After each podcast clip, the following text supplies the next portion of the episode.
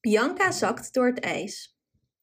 Er waren eens in een land van sneeuw en ijs twee beste vrienden, genaamd Bianca en Douglas. Ze deden niets liever dan schaatsen op het bevroren meer. Elke dag na school trokken de vrienden hun schaatsen aan en gleden over het gladde witte oppervlak.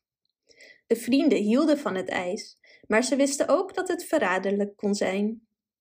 Door de jaren heen hadden ze veel geleerd over het ijs. Ze wisten dat nieuw ijs sterker is dan oud ijs. Ze wisten dat stromingen onder water het moeilijk konden maken om stevig ijs te vormen. Ze wisten dat onbewolkte, sneeuwloze dagen het beste waren om te schaatsen, want sneeuw voegt gewicht toe en vertraagt de vorming van ijs. En hun moeders waren heel erg streng. Elk jaar moesten Bianca en Douglas een preek aanhoren over hoe ze zichzelf konden redden als ze ooit door het ijs zouden zakken. De kinderen hadden vertrouwen in zichzelf en in hun kennis en waren nooit bang om het ijs op te gaan. Op een koude winterdag besloten Bianca en Douglas wat verder te schaatsen dan normaal. Ze waren goed voorbereid. Ze hadden elk een rugzak met een touw, een thermoskan met warme chocolademelk, een deken en een volledig opgeladen telefoon. Ze gleden en draaiden, zonder op te letten hoe ver ze waren geschaatst. Plots voelde Bianca dat het ijs onder haar begon te barsten. Douglas, we moeten terug naar de kant. Het is hier niet veilig, zei Bianca kalm tegen haar vriend. Maar het was te laat. Ze zakte door het ijs en belandde in het ijskoude water.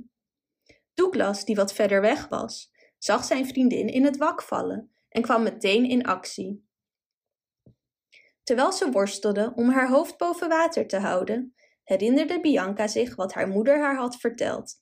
Probeer niet te zwemmen, maar te drijven. Probeer je energie en lichaamswarmte te behouden.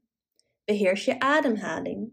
De schok van het koude water kan gemakkelijk leiden tot hyperventilatie en paniek, waardoor je kans om veilig uit het water te komen kleiner wordt. Dus Bianca bleef kalm en ademde langzaam en diep in. En het allerbelangrijkste, Probeer jezelf in een horizontale drijfpositie te krijgen. Trap vervolgens zo hard als je kunt om te proberen jezelf horizontaal op het ijs te laten glijden. Dus schopte Bianca met haar benen en gebruikte haar armen om zichzelf uit het water en op het ijs te trekken. Douglas had ondertussen om hulp gebeld en haalde toen het lange touw uit zijn rugzak.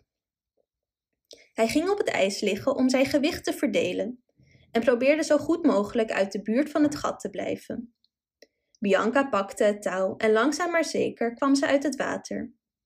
Douglas nam haar snel mee naar de kant. Daar bood hij haar droge kleren aan, sloeg de dekens om haar heen en gaf haar warme chocolademelk om te drinken. Hulp arriveerde kort nadat de kinderen aan land waren gekomen, en ze namen zowel Bianca als Douglas mee om hun vitale functies te controleren.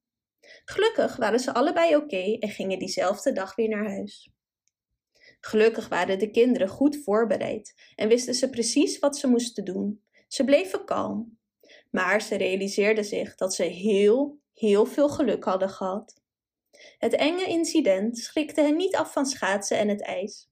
Ze gingen dezelfde week weer schaatsen, maar hielden hun ogen open voor gevaar. Bedankt voor het luisteren. Wist je dat je dit verhaal ook op onze website ririro.com/nl kunt lezen, downloaden en printen?